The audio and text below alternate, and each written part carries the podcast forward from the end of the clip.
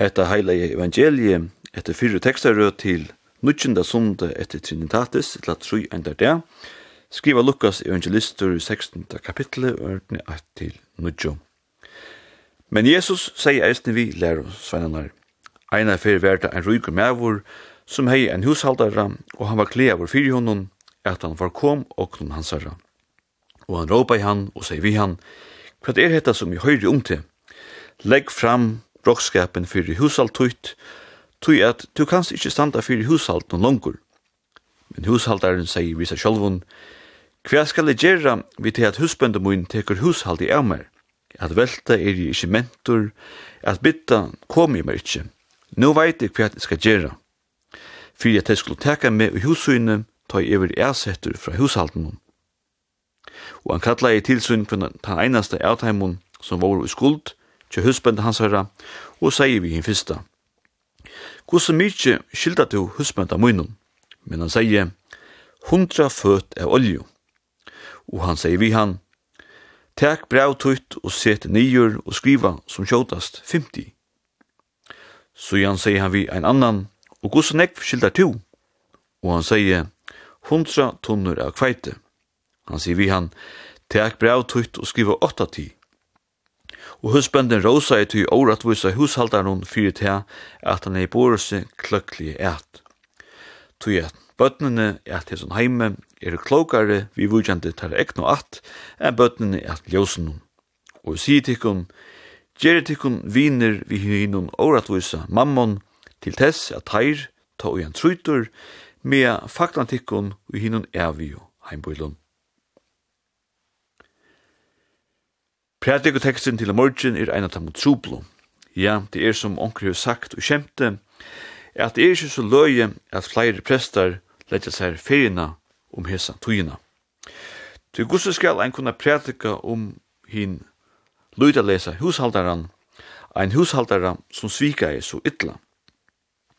Ta sikst at langt ui fondkirkene var røynt at pinta sintere på hesa søvna og ta ger helt ikkje søvna lattare er skilja, at det bære er Lukas som teker henne oppa tungo. Ofta er det søvnar i Nudja Testamentet omrøttar av flere av evangelisten. Men luktelse om han lyda lesa hushaldaren er trobult, til han ikkje berre legger atlander om hvordan han skal svika, han svikar eisne etter at han er våren oppdeavur. Han er neivan ekka godt fyrdømme. Men Jesus råsar honom korsene, og vi kunne bare djeva Kyrkjegård ratt, to han skriver om til Mongo luktelistene i Nudja Testamentet, er at kristendomren hever skil for nekvun, men pengun hever hans ikkje skil fyrir. Takk bare hina fatak åndkina som gav nekv meira enn tei som i peninga nøgt gav meira. Hette hei neivan nekar kunda rådgjevi i nøkron banka funnes i ui, men i Nudja Testamentet er ørvuse. Og i Nudja Testamentet fært han lyda lese hushaldaren Rós. Hetta gjevur okkun høvbrudj. Fyrir det fyrsta er hetta ein moralskur trubeleidje. Gavan ui ver Jesus ongandu talsmevur tjatam borgarlio, etla småborgarlio, og det var tui at han var krossfester. Men hovast det, så stendur omgandstjani i Nudja Testamentet at vi skulle misbruka pengarnar og oknunar til ørum tog er hetta eit problem. Hushaldaren tog bursre oknene til husbandanon og gav hetta bursdur. Og så sier Jesus at han bær seg kløkkelige et. Fyr nasta kan hetta vold okon atronavlitt høvbrutsk. Tui som så vær hesin lydalæs hushaldaren Uysa kaldur. Han vær ikkje nekkar Robin Hood som stjål fra dem og fatakko og gav dem ryko. Vi tar ikke om at han gjør det hette av kærleika, etla tog at han var så fyttur. Hinvegin manipulerer han vi følte, drog det på tråd, brukte så teg hun til hjelpe henne sættene.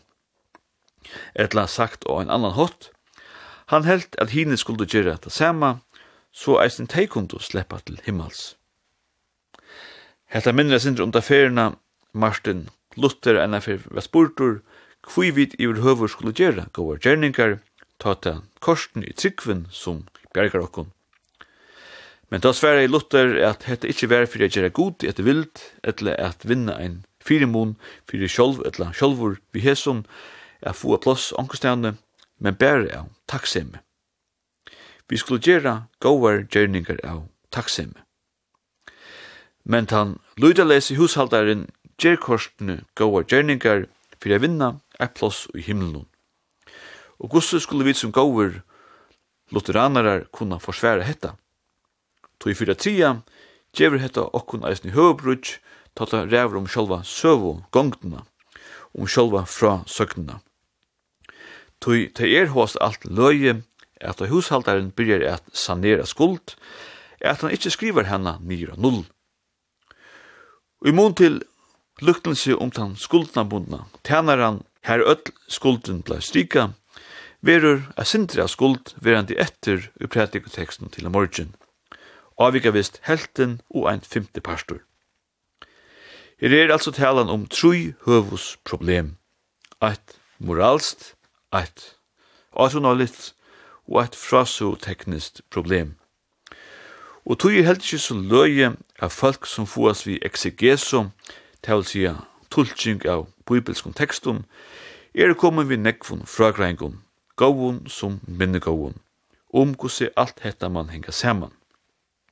Alt fra tui, sum tann tuske granskaren ui, luktelsum Joachim Jeremias vildi vera vi, at Jesus helst fortalte disse søvna om en avvise hending og i syne samtøy, og i folk høyt og fortalte honom til at luktelse enda vi at hos om klokskap, Jeg vil ikke skulle huksa så nekk om hvert han svigafotle hushaldaren gjer, men heldur om hvordan snilt han ber seg et. Men gosse vits og røyne at forklara etla bostur forklara, så kjert ikkje bostur at Jesus råsar hesson svigafotla manne fyre hans herra kløkskap. Kanska tog at hetta luknelse ikkje snurs seg om at djeva dem av fatak og etla om at vera ein miskunnsamur samaribikve, Det hører vi om i pratikoteksten til ærer, så nå det er. Men at vi ødel er og skrøypelig og svigelig, men at vi korsene kunne være klok og samme host som den løydales i hushaldaren, som skriver skuldene nyer til heimun han hev snutt. Hovas han er kriminellur, viser han og synum svitjekorsene miskunn mot og synum medmenneskjon, og husbanden som skal døme han, hever korsene så mykje av tilfondje at han rosar honom.